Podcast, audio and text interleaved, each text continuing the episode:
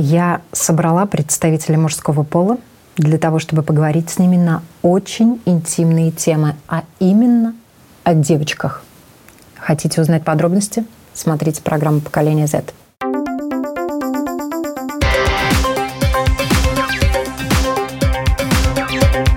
Поколение Z. Здравствуйте, с вами Марина Талапина, режиссер программы Даниэль Йофе. Спасибо, что подписываетесь на нас, ставите нам лайки и слушайте наши подкасты. Теперь это можно делать на всех платформах, включая Spotify, Google, Apple Podcast. Ну, конечно, огромное вам спасибо и поклон за то, что смотрите нас на YouTube и э, ищите в Фейсбуке, Инстаграме и, конечно, на нашем сайте lr4.lv. Взаимоотношения полов – Почему я сказала это слово? Потому что сегодня мы будем говорить об отношениях. Но не просто об отношениях, поскольку эта тема вообще волнует э, людей с давних времен и людей разных возрастов и разных полов. Мы решили сделать несколько программ в этой серии. И сегодня мы говорим э, и назвали нашу программу «Между нами мальчиками». Конечно, возникает сразу вопрос, э, если мы назвали программу «Между нами мальчиками», что здесь делает девочка, в смысле я, и я э, позволю себе на правах э, ведущей программы иногда подкидывать вопросы вот, и подсказывать вопросы нашей мужской компании, которую я с удовольствием вам сейчас представлю. С нами Иван Назаров. Ваня, привет. Здравствуйте. Леонард Теснов. Всем привет. Максим Зинкевич. Добрый день. И вот сегодня, я надеюсь, будет рулить, я уверена, что будет рулить э, человек, психолог мужского пола. Специально для этой программы мы пригласили Вадима Левикина. Вадим, привет. Добрый, добрый. Я добавлю, что Вадим руководитель Центра «Ресурс» и сертифицированный тренер программы «Турус Плюс», психолог, специалист в вопросах личностного роста, родительско-детских и супружеских отношений. И опыта работы у него очень-очень-очень много. Поэтому первый вопрос Вадиму. Э, и, конечно, его задаю я, ну, как я уже сказала, на правах э, той самой ведущей, которая просто вот будет вот так вот задавать вопросы и вообще сегодня свое мнение оставит при себе. Вот, Вадим, ты помнишь свою первую любовь, свои первые отношения? Трудно так сказать, что вот такая любовь, мне кажется, она так растет. Я до сих пор помню лицо девочки, которая спала напротив меня в детском саду. Вот. И мне кажется, что это была старшая группа, по крайней мере, хочется в это верить. И я помню, что мы на каком-то тихом часу, наверное, оба не могли заснуть и слали друг другу эти воздушные поцелуи. Вот, и это так мило, я вот сколько вспоминаю. Вот, а после этого какой-то такой провал был долгий, такой длительный. Вот, и, ну так, чтобы совсем вот в тряпки влюбиться, это, наверное, был какой-то уже наверное, какой-то девятый класс, десятый, вот так вот. Ну так, чтобы разбитое сердце, там все такое. Ну это было. Молодежь сейчас испытывает такие вот, чтобы в тряпке влюбиться. Было с вами, ребят, такое? Уже случалось или еще впереди? Я только наслышан истории, как так влюблялись. А потом э, слушать, как э, выплакиваются люди, как все ужасно, кто-то там ужасный человек, э, как что-то сделал, и ты такой, да. Такой трэш, да? И ты думаешь, да ну, зачем? Макс, с тобой случалось? Конечно, случалось. И не один раз. Конечно, но это вопрос такой вообще. Вот э, влюбиться кому-то легко, кому-то сложно. Ваня, у тебя, кстати, было уже что-то такое у твоих знакомых? У меня было такое в шестом классе, очень рано, но опыт был... Ну, главное, что опыт был, поэтому буду стараться не повторять ошибок, которые там были первая любовь, она, к сожалению, ну, или к счастью, не у всех так заканчивается. Вот, кстати, девятый класс в тряпке. Как долго вообще длились отношения первые? Ой, ну там была такая влюбленность. Ну, мне очень нравилась одна девушка. Вот, я за ней ухаживал как-то. Ну, мы дружили. Да, вот как-то вот мы не как вот мужчина, женщина, скажем, да, а как-то друзья мы были хорошие по интересам. Вот, компания у нас была общая, и все так развивалось. Как ну, я не могу сказать, что мы прям вот встречались, но чувств у меня было очень много. Да? Ну, иногда мы встречались, но как-то у нас там вот не шло куда-то. А потом я уехал. Я уехал на год, на учебный, вот я тогда первый раз в Америку попал, и вот там вот этот вот роман по переписке, что называется, вот, и прямо вот, ну, очень много там было вот именно романтики такой, такой вот какой-то чистоты, я не знаю, да, вот такой вот влюбленности, вот прям вот, как в книжках, наверное, пишем, да, про такие, воспевая. Вот, а потом я приехал сюда, мы начали встречаться, гулять вместе, там все как полагается уже, это был уже 10 класс. И не пошло у нас как-то совсем. Мы начали встречаться, и она как-то влюбилась в моего, ну, друга, наверное, можно сказать, ну, приятеля такого близкого. Вот, и у них там это как-то все очень взаимно произошло. Мы в одной компании оставались, ну, и, в общем, у меня такая драма была. Я прям вот переживал этот момент. Ну, там как-то очень достойно это все происходило и с его стороны, и с ее стороны, да, мы разговаривали про это. Ну, то есть как-то не было, вот, я не знаю, но все равно это травматично было, да, достаточно, как бы я там какое-то время не мог с ними вместе находиться. Вот. Ну, потом как-то мы достаточно долго еще потом дружили, причем все вместе. Вот. Но мы с ней так уже и не встречались, хотя она мне как бы все время нравилась. Вот они там года три, по-моему, вместе пробыли. Мне как-то так кажется. Но вот я тогда был так, ну, я достаточно быстро вот нашел другую подружку, и, наверное, меня это как-то отпустило. Ну, месяца через, да, через полгода, наверное, через четыре. Ну, вот, так вот. Ну, у молодых людей достаточно быстро все происходит. Хочется спросить, ребята, у вас вообще вот сегодня а, молодежь, э, много ребят э, в отношениях, если так можно выразиться, дружит с девчонками? Леонард, давай тебе. Мне кажется, процентов 20-30 не так-то и много, на самом деле. 20-30? Процентов 40. Процентов 40. Это из моих знакомых лично. Э, в каких-либо отношениях. Это возраст 17, 18, 19? Да. Да. У нас Ваня немножко представитель э, более молодого поколения. Ваня 16 лет, да, и вот среди твоих э, сверстников Думаю, что эта тема только развивается, но уже какие-то предпосылки есть к этому, думаю. Молодые люди ухаживают за девочками. Как это у вас происходит? Колитесь. Все, Макс самый опытный, у тебя больше всего влюбленности Я могу сказать, было? Что все происходит в моменте. Как-то составлять план на то, как я буду ухаживать сегодня, как я буду ухаживать завтра, это немного бессмысленно и возможно, есть слишком много ресурсов настолько, что ты даже не сможешь пойти ухаживать. Поэтому как-то просто проявлять себя с хорошей стороны, проявлять какую-то заботливость, а думать наперед. А как это, как это? Вот проявлять заботливость, ну, давать списать, делать все вместо нее, там, покупать ей конфетки. Ну, прям настолько... Конфетки, конечно, да, это всегда приятно, но делать за человека какую-то работу, это, наверное, как-то обесценивать человека, ведь он уверен, что и сам может справиться, поэтому как-то помочь человеку — это правильно. Все делать за человека, то это принижать человека и его способность что-то делать, как мне кажется. Лео. Мне, наверное, было бы легче все-таки планировать все, потому что как бы есть план, ты его след... ты ему следуешь, и по, по мне так должно быть проще. Ну, там, не знаю, например, хотя бы на несколько недель вперед иметь планы, когда встретиться, куда пойти, что, что делать будем и так далее.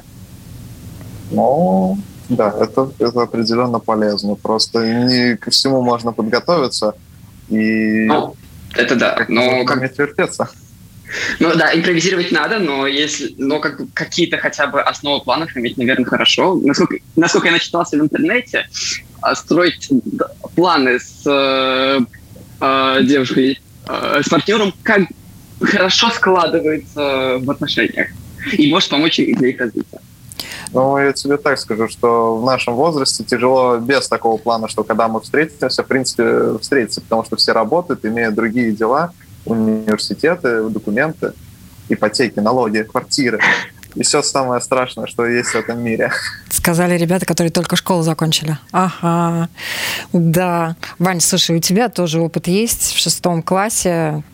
Как это было? Это было безответно. Um, вот. Um, мне не понравилось. Ты влюбился, да? А что не понравилось? Не понравилось именно свое эмоциональное состояние, потому что это было безответно? Я думаю, то, что это просто несождение двух типов людей, и такой дисконнект — это не всегда хорошо для человека. Но Тем это... более в таком маленьком возрасте, как у меня был.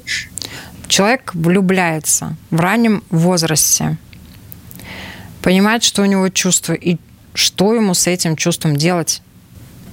Тут как бы не в возрасте дело вообще. Вот. Я недавно переживал подобное, ну как недавно, да, там пару-тройку лет назад – и как бы что с этим делать?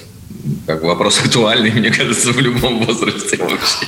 Но да, имея опыт, теперь?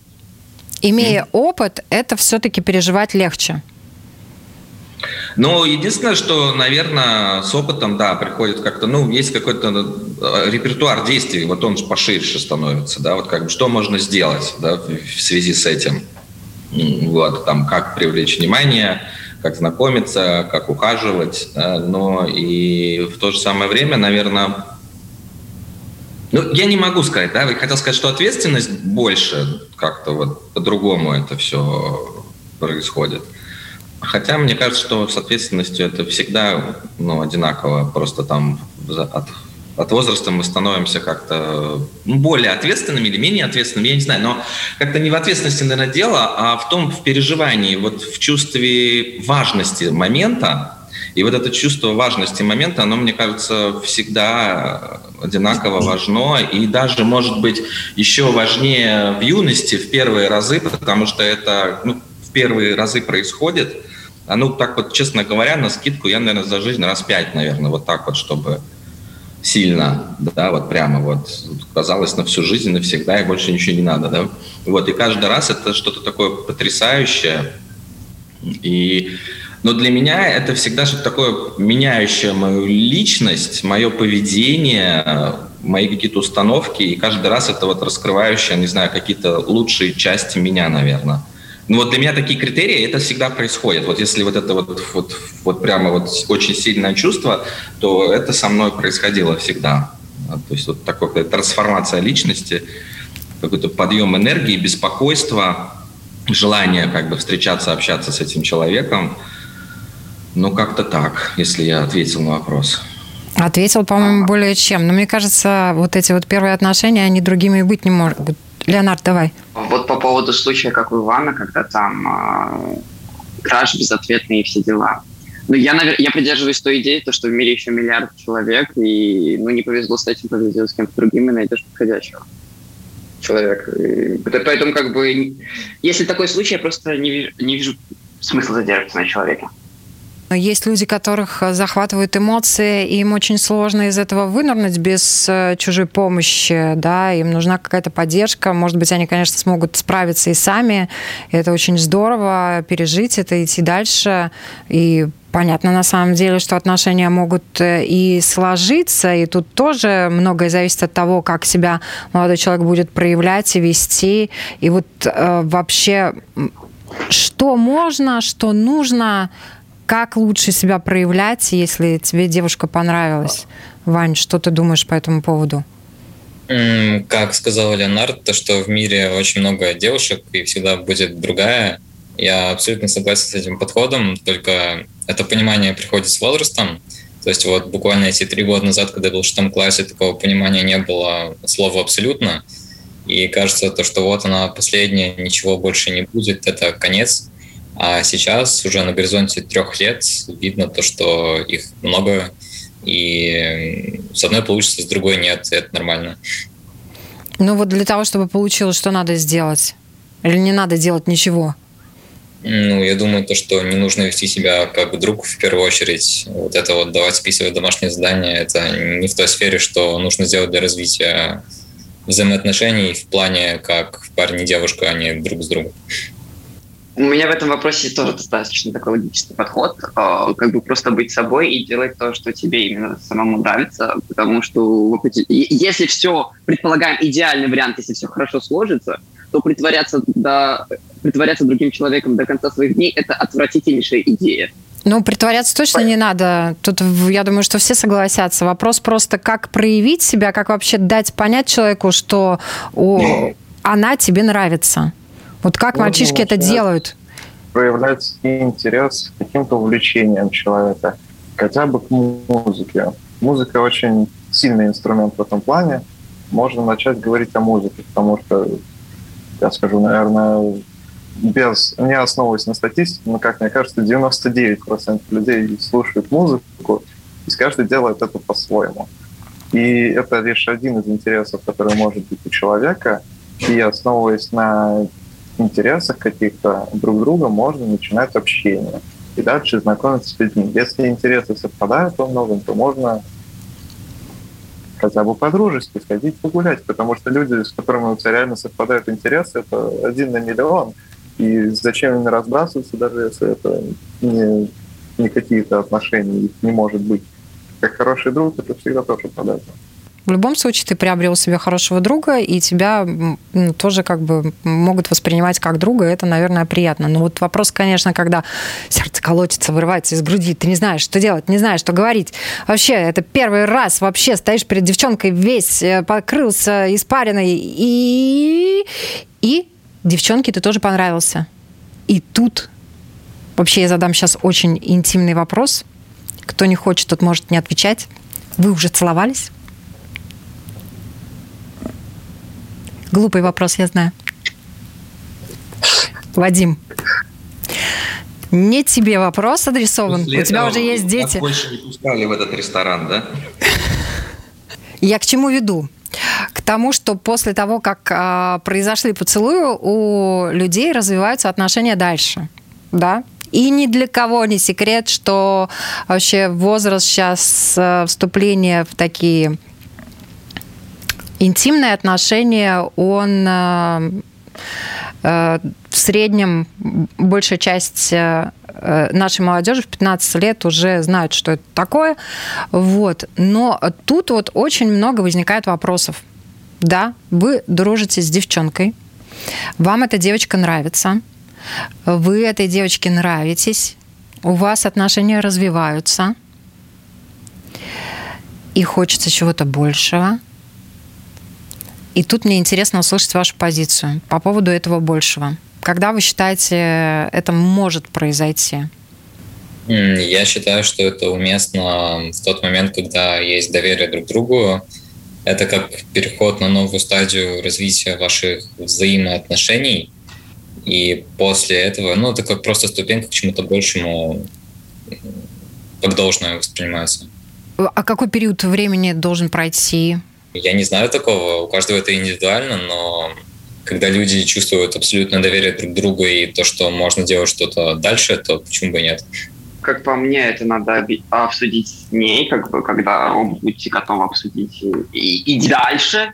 Но просто как бы я знаю такой случай, когда пара встречалась пять месяцев и ни разу даже не и только на пять, и только в конце этих пяти месяцев поцеловалась. Это, конечно, как по мне уже перебор маленько. То есть ты хочешь сказать, что они перетянули? Да, есть, достаточно перетянули. Есть пары, которые там несколько лет встречаются или переписываются, и потом только встречаются. Ну, отношения на, на длинной дистанции это, это Но это одна другое. история, да. Да. А в этом случае, ну, думаю, два месяца вполне нормально. С учетом того, что нам еще там 17, 18, 19, два месяца вполне нормально. И можно начинать целоваться, да? Ну и не только.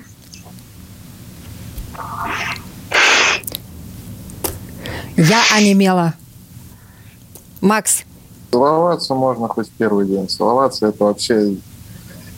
Это как проявление симпатии в моем личном взгляде. Это не является чем-то чем-то супер сакральным. Это как не знаю, знак симпатии, именно по-другому не скажу. Если человек себя так чувствует, и второй человек чувствует себя точно так же, то почему бы и нет? Ну, мне, ну, как бы, включая как бы, профессионала, да, как бы, мне очень нравится то, что мальчишки, ну, как бы, две вещи да, то, что есть разный темп, да, и я такое уважение к этому темпу слышу, да, что там для кого-то там 5 месяцев, для кого-то 2 месяца, для кого-то, в принципе, и в первый день годится, да, и что важно, вот это вот ощущение того, что обоим это, этого хочется, да, и еще мне, мне вот понравился предыдущий вопрос по поводу того, вот ухаживать, когда целовать, когда не целовать, план, да, вот, и мне так нравится то, что, ну, вот когда сильные чувства, то, в принципе, голова, она вообще выключается. Вот. И мне кажется, такое вот верный способ это положиться на какие-то, я не знаю, рефлексы, инстинкты, да, и просто вот просто позволить себе быть, позволить идти тому, что внутри есть, да, вот как-то вот, и направлять это куда-то, вместо того, чтобы думать о том, как правильно, как нужно, а как в той книжке было написано, да, а вот, блин, а вот я что-то не так сделал, да, и вот это блокирует, да, вот этот поток, потому что любовь, она для меня такое вот это про чувство в первую очередь, а не про рациональность какую-то. Вот. И если мы говорим про сексуальную близость, то мне кажется, что очень важно направля... позволять себе проявляться. Да? Единственное, что вот эти проявления, да, вот они должны быть не быстрыми, резкими и, я не знаю, там, да, вот... Спонтанными. Вот сожрал сразу, да, вот, я не знаю, вот кусок мяса вот подали, да, и вот тут же его, да, а именно вот сама культура и опыт, он мой, да, вот как подсказывает о том, что лучше это делать очень медленно, именно вот этот вот, как бы, вот если сравнивать это со стейком каким-то, да, то именно вот просто вот планомерно, да, вот как бы вот по кусочку, по кусочку, медленно пережевывая, да, и вот как бы идти туда вот маленькими-маленькими шагами, потому что когда мы идем медленно, то вот эта сонастройка, которая между мужчиной и женщиной, там, мальчишками, девчонками происходит, она происходит более более качественно, что ли, да, и вот этот вот контакт, да, то есть он притирает, притирка это, она потом это дает намного более, больше наслаждения, больше ценности, больше понимания, больше доверия, да, а если мы перепрыгиваем через шаги, да, вот, то есть там не гуляли, не танцевали, не целовались, не обжимались, да, там, не трогали друг друга, не ласкали, да, а сразу там раз и секс, да, вот, ну, как бы в нем будет очень много, в нем очень много чего не будет. Да, ну вот по- по-моему. Поэтому, ну, может быть, это с возрастом так, да, хотя, ну, да, и вот, и вот именно тянуть, растягивать эти шаги, пока там не дойдет уже дело до чего-то уже совсем близкого, откровенного. Вот. Ну, вот для меня вот это, наверное, очень важно. Не бежать вперед паровоза, а позволять происходить тому, что происходит. И слушать себя, да, и позволять себе делать какие-то там вещи, которые, может, раньше ты и не делал никогда. Но вот только делая, делая, делая их, мы как бы, наверное, становимся мужчинами. Ну, как говорят, да, что там мужчинами становятся рядом с женщинами, точно так же, как и женщинами становятся только рядом с мужчинами. Вот, и мы действительно друг на друга как-то так влияем, и классно, когда это открывает наш потенциал. Но тут есть еще одна сторона медали, о которой, э, наверное, больше всего беспокоятся взрослые, да. Например, э, в XVI веке Стоглавый собор в России очертил минимальный возраст вступления в брак для отношений с 15 лет для юношей, а для девушек с 12 лет. Да, они уже могли вступать в брак но это был 16 век. А в законодательствах большинства государств мира брачный возраст выше возраста сексуального согласия, так называемого, да. И преимущественно э, в большинстве стран с 16 лет этот возраст наступает, в том числе в Латвии, но есть также государства, даже близкие к нашей стране, к Латвии, где возраст сексуального согласия, например, 14 лет – да, я для людей, которые нас слушают и смотрят, э, немножечко поясню, что возраст сексуального согласия – это возраст, начиная с которого человек считается способным дать информированное согласие на секс с другим лицом. В большинстве случаев взрослый несет правовую ответственность, если он вступает в половую связь с лицом, не достигшим данного возраста. Да? Это нормально, это законодательство. И если это делается по обоюдному согласию, все окей. Но когда это первое отношение, да, это согласие сначала может быть дано, а потом, например, девчонка может э, сказать э, что она еще не готова. И тут, конечно, все зависит от того, насколько э, молодой человек готов принять это нет. И вот сейчас я хотела бы вас попросить рассмотреть три варианта нет. Жесткое нет, скорее нет, чем да. То есть шанс, казалось бы, есть, ну, небольшой, да. И может быть нет, может быть да. Вот как, при каком нет, на ваш взгляд, молодой человек себя должен вести? Вань, давай начнем с тебя. Ну, мне кажется, при жестком нет. Тут все понятно, надо сдать назад чуть-чуть. И надо бежать. Только Шучу. А, вот. А при остальных двух вариантах, если это где-то между где-то между, то зависит от навыков парня мужчины, сможет ли он внушить степень доверия или просто как-то поговорить с своей женщиной, чтобы что-то у них получилось. Это уже в его, в его руках.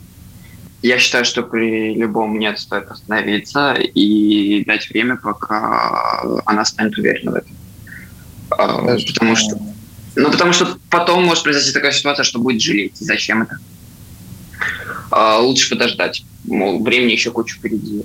И даже если это произошло там прям чуть ли не подошли к этому и, и, и вот все, нет, ну надо останавливаться, что поделать. Надо уважать человека. По-моему, с жестким нет все понятно. Скорее нет, чем да. Мне кажется, это сигнал на то, что нужно сделать несколько шагов назад и пройтись по всему пути сначала, потому что это как раз, как сказал э, Вадим нам, это перепрыгивание шагов, может восприниматься так. Да, нет, это значит, что нужно подождать. Человек еще не готов. Это не значит, что кто-то делает что-то неправильно или кто-то слишком торопится, просто человек хочет еще чуть-чуть подождать, взять еще времени, подумать, оценить ситуацию. И вот лично я так расцениваю эти все виды нет. Вадим, я слышу не мальчиков, как говорится, а мужей, уже таких, да, серьезных, э, вообще думающих парней, и это приятно, безусловно, но слово «нет», оно может задевать, да, вот с точки зрения психологии. Э, то, что ребята сказали, все принимается, все абсолютно правильно, четко, классно. Так должно быть, наверное, действительно. Но в жизни мы видим ситуации, когда, э, к сожалению, мальчишки, там, некоторых девочек э, просто пытаются манипулировать. Если нет, то я с тобой не буду общаться, да, и э, есть разные варианты нет. Есть варианты нет, когда девочка сказала нет, и мальчишка пошел, и для него это жестко очень, да, он не может это пережить, не может с этим справиться. Вот вообще нет что оно означает для парней? И как его принимать, если тебя это задело?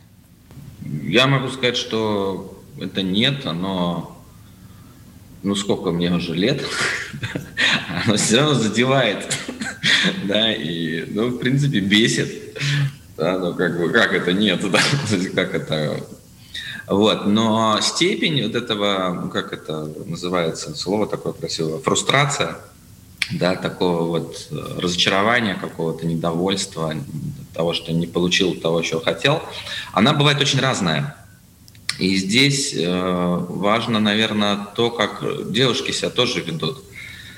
Э, в том плане, что когда мы оба находимся в этом процессе, то мы как-то берем за него ответственность. И вот когда мы делим эту ответственность, вот девушка там, она понимает там, что вот там с мальчиком происходит, да, в этот момент, и, и извиняется, скажем так, да, вот, слушай, там, прости, что-то я не готова, да, я не могу, извини меня. Да, что вот мы с тобой дошли до этого момента, и как-то вот что-то как бы, да, и тогда мне легко. Ну, то есть, да, я как бы обломался, да, но, но с другой стороны, как бы у меня есть этот контакт, и она мне важна, да, и, и она мне важнее, чем та фрустрация, которую я переживаю, да, ну и все, и как бы пошли туда там говорить о том, что происходит, что так, что не так, ну хорошо, да, там. Мальчишки говорили, ну как бы там назад пару шагов сделать, да, там как-то, ну важно, конечно, говорить об этом, может отдельно стоит поговорить. Вот, а эти нет,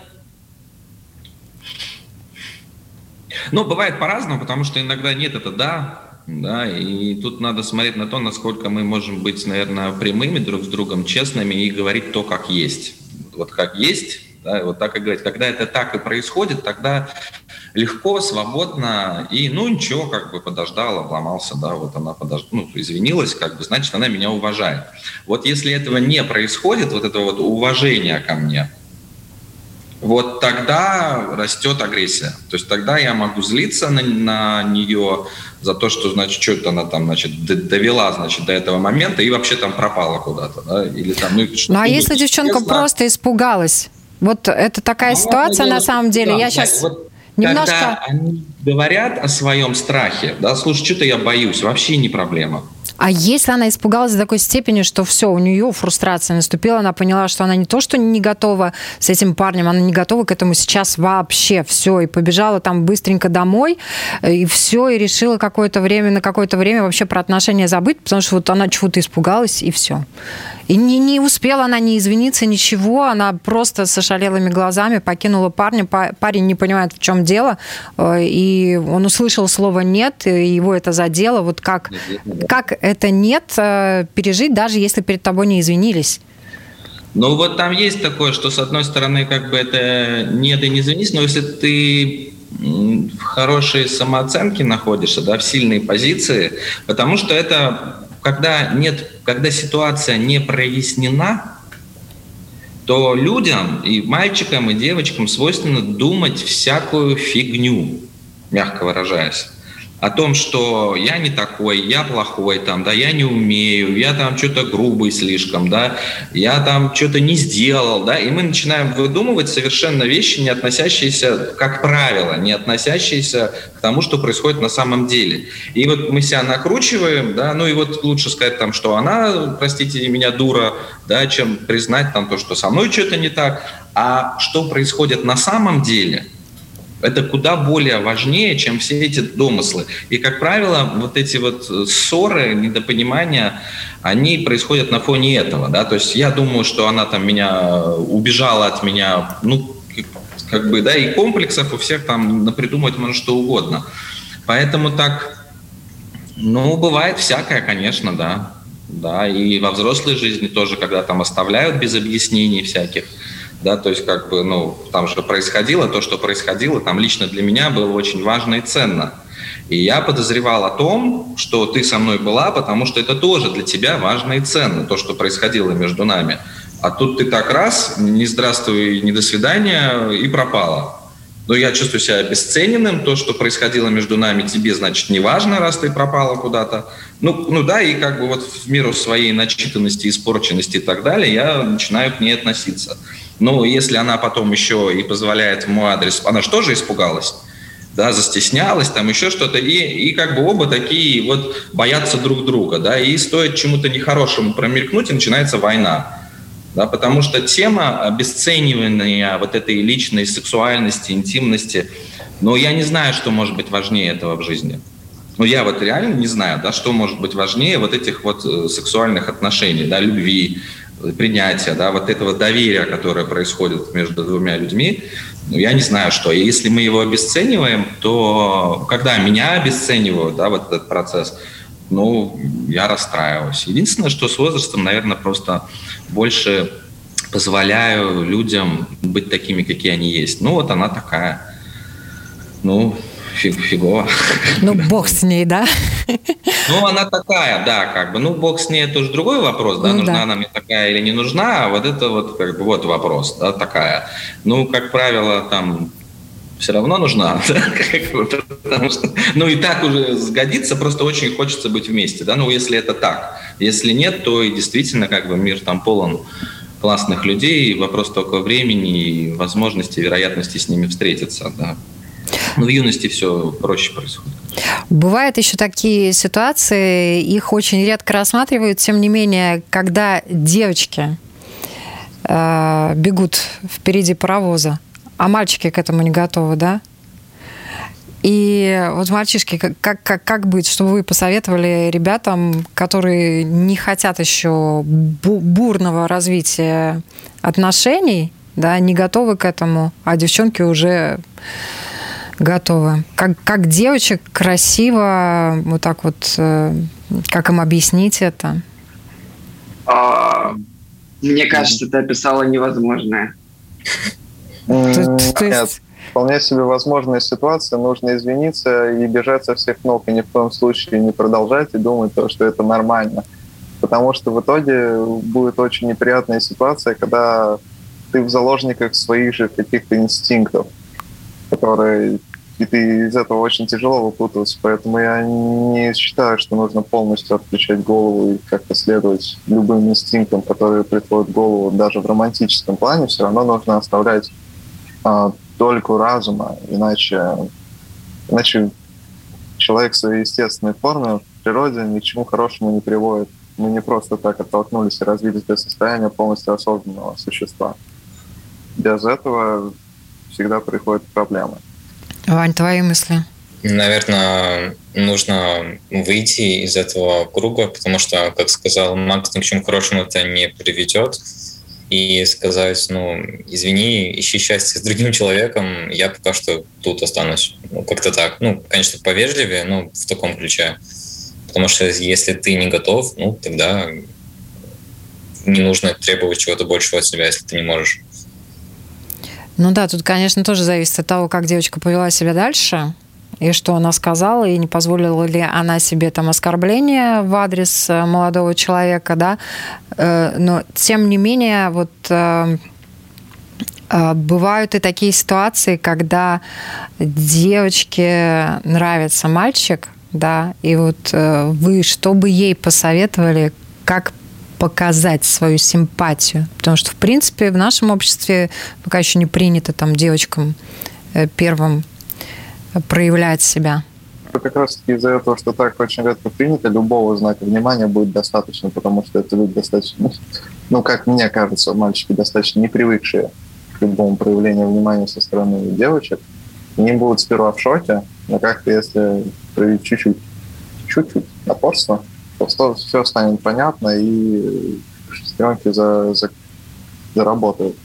А если Поэтому мальчик не проявляет интереса, то и не надо дергаться? Ну, не знаю, это же то же самое, что и у мальчиков. И у девочек это одинаково. Если тебе интересен человек, то всегда есть риск отказа какого-то. И нужно постепенно прорабатывать свою позицию до человека, с которым ты общаешься потом можно двигаться дальше. Это все очень постепенно, и на любой из этих этапов можно встретить отказ, получить разбитое сердце и пожалеть о том, что вообще в принципе что-то сказал или сделал.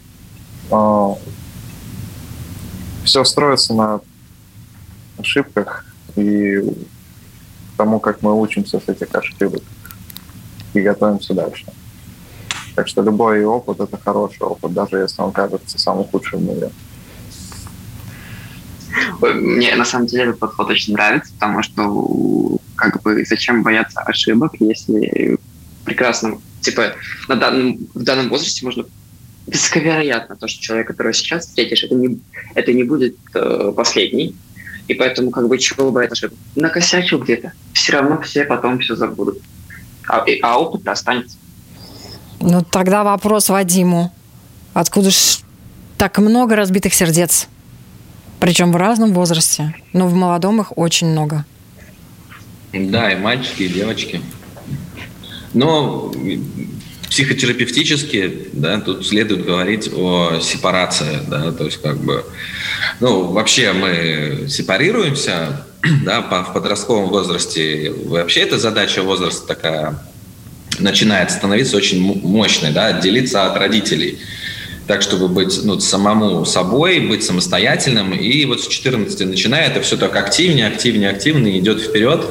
И то, насколько хорошо мы научились это делать э, с родителями, ну, мальчики с мамами, да, девочки с папами, насколько вот сепарация там произошла, настолько легко будет или трудно э, происходить вообще во всех отношениях.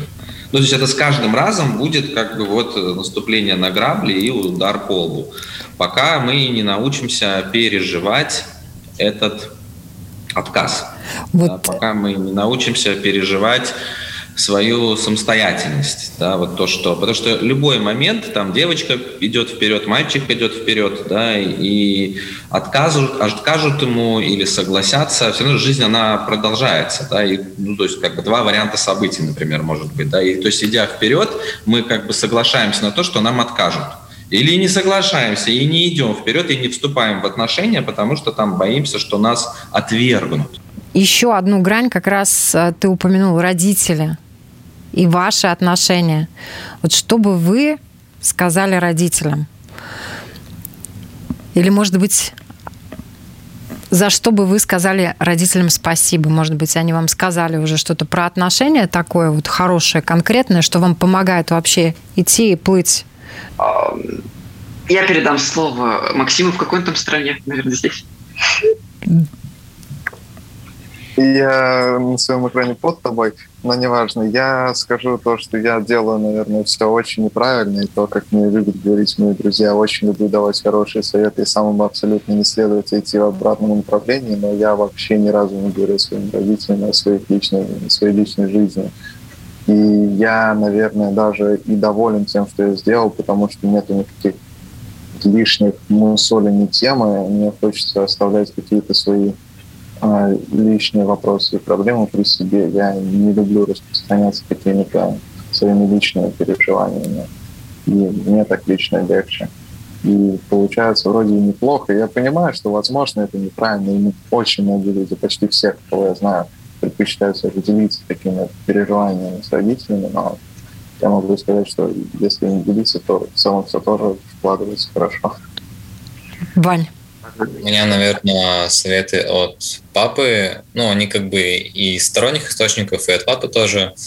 Про уважение к себе, то, что имейте уважение к себе, если вас кто-то не уважает, то пусть он сам идет куда подальше, потому что вы, вы один, вы единственный, вы сами себя должны в первую очередь любить, а других людей много, вы один. Поэтому цените себя в первую очередь. Мне Макс подкинул идею, как я могу тоже закончить. А, я на самом деле не предпочитаю делиться с родителями по поводу личной, личной жизни, потому что они будут осуждать, а как бы это мой выбор, поэтому лучше я с ним останусь сам и буду сам разбираться с теми проблемами, что у меня есть, и не слушать эти осуждения с их стороны. Вадим, поставь красивую точку в нашей мужской беседе. Но у меня дочка растет, да, я как бы так в недоумении, думаю, сейчас мальчик что-нибудь подскажет, думаю, ну вряд ли. Да. Но мне кажется, что здесь вопрос про границы, вот про вот эти, да, и про отношения, про уважение родителей к этим э, границам, да, и мне кажется, здесь в основном только от родителей это все и зависит. Осуждают они, восхищаются они, радуются они, там даже ошибкам, да, первому опыту, вот насколько сильно они уважают. Потому что мне кажется, что если есть уважение и такое доверие к тому, что меня не осудят, никто не будет говорить, что моя девушка там какая-то кривая, косая, да, там что-то не то, а примут ее вот просто, что она мне нравится, то тогда как-то и общение складывается. И вот эти вот советы от папы, от мамы, мне кажется, что это может быть вообще возможно только когда есть доверительные отношения, да, такие близкие, вот с уважением, с принятием. Ну, я со своей стороны могу сказать, что ну, я вот с возрастом вижу, насколько мой отец относился к маме, к другим женщинам, вот, то это и мне передается очень сильно, и его советы, да, и даже когда мать со мной уже постарше была, обсуждала там мужчин, кто как себя вел, как ей нравилось, да, вот эти моменты все, они были чрезвычайно для меня важны, и там вот прям вот ключики такие классные, потому что в других местах ну, как-то там чуши тоже много, а тут вроде как проверено. да, и они мне там хотят всего лучшего, и можно доверять. Хотя это с ними работало, да, не факт, что это для меня будет работать, но какие-то э, точки опоры это несомненно дает. Вот, ну мне, мне повезло, наверное.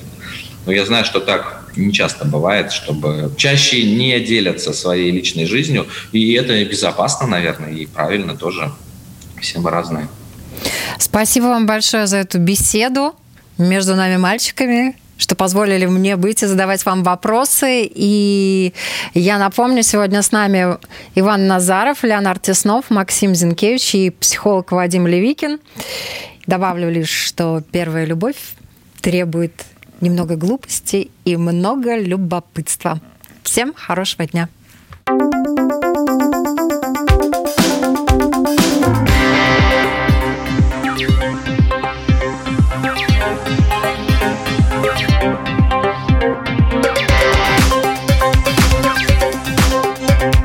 Поколение Z.